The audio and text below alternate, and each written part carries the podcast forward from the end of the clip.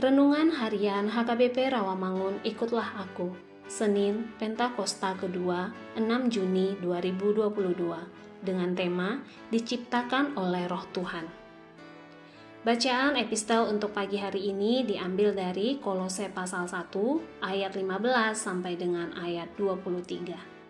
Dan untuk bacaan khotbah hari ini diambil dari Mazmur pasal 104 ayat 24 sampai dengan ayat 35.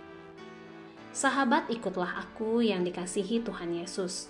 Dalam semua agama purba, terdapat kecenderungan untuk menyembah benda-benda alam yang dianggap menentukan kehidupan.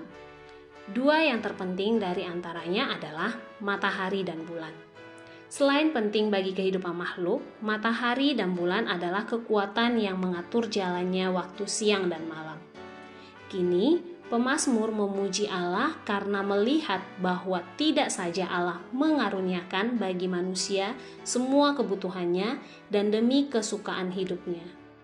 Allah juga menjadikan matahari dan bulan pelayan-pelayannya untuk memelihara kehidupan. Dengan demikian, sama halnya dengan kisah penciptaan dalam kejadian pasal 1. Mazmur ini berfungsi menolak penyembahan terhadap benda-benda langit. Karya penciptaan Allah sekaligus menunjukkan Allah seperti seorang pembangun dan seniman. Kekuasaan dan hikmat Allah sekaligus tampil mencengangkan dalam setiap wujud dan bangun benda dan makhluk ciptaannya manusia adalah bagian dari ciptaannya.